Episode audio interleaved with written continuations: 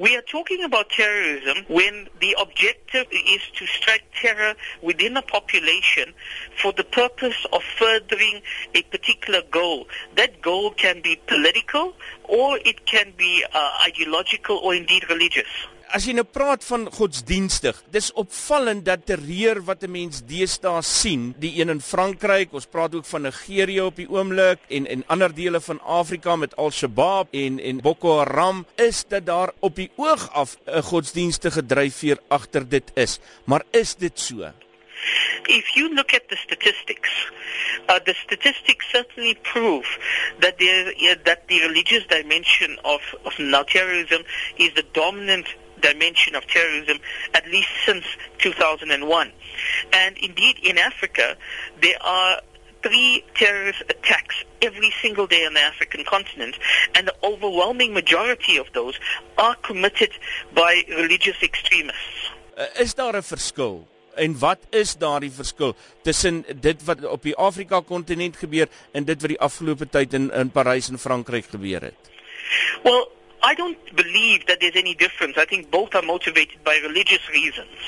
But I think that there's a big difference between religious terrorism and the political uh, terrorism that was experienced, let's say, in the 1970s and the 1980s by the Baader-Meinhof gang and even by the PLO because those were limited politi- uh, political objectives. It's very, very hard to negotiate with religious extremists engaged in terrorist actions. Why? Because they believe that they are talking on behalf of God. And, and therefore, the political instruments that you have, i.e., uh, negotiation, compromise, that you saw, for example, in terms of the Irish Republican Army, um, etc., all of that does not work. When someone is prepared to die, in order to achieve heavenly goals, divine goals, as opposed to political goals. Daar's 'n persepsie dat die moslim geloof en eh, terreur hand aan hand gaan. En gebeur dit dan ook dat sodra iemand anders 'n terreurdaad pleeg wat buite die moslim geloof staan, dan word dit anders geetiketeer. Waarom?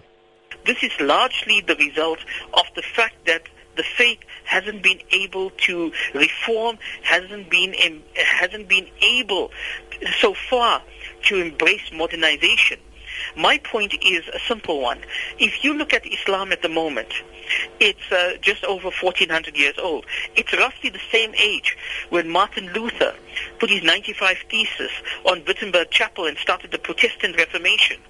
There hasn't been a similar movement in Islam.